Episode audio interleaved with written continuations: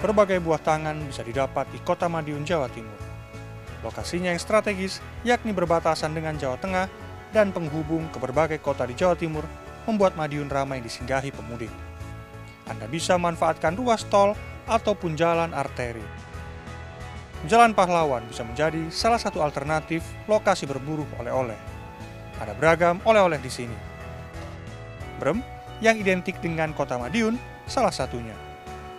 Di sini pengunjung tak perlu khawatir karena bisa mendapatkan harga murah meriah, mulai dari Rp20.000 sampai Rp50.000 rupiah.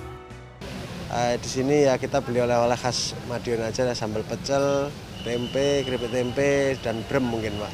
Nah, kurang lengkap kalau Anda tak membeli roti bruder. Ada beberapa toko yang menjualnya, antara lain Bruder Cokro.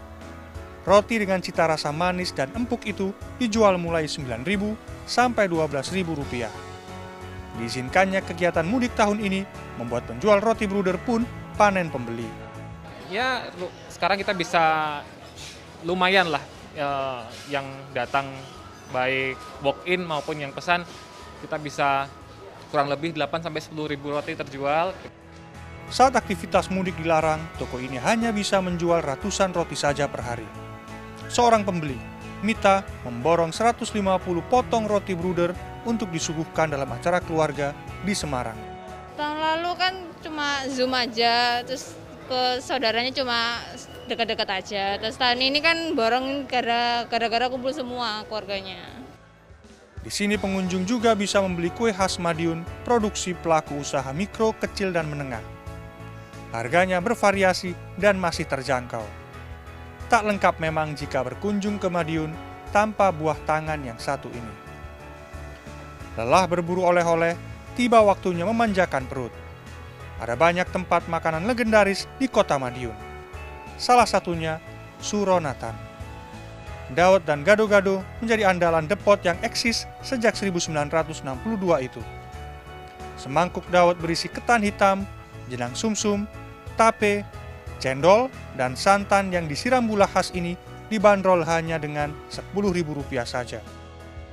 Setiap tahun kalau nggak ada corona ya pasti mampir sini, pasti. Pandemi juga menghantam kedai dawet Suronatan.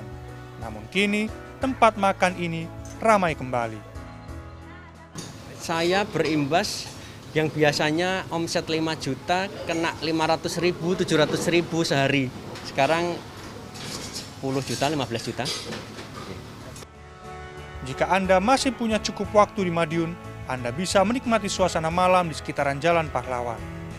Lampu-lampu taman kota dan jalur pedestrian yang rapi bisa menjadi pemandangan untuk melepas lelah sebelum Anda melanjutkan kembali perjalanan.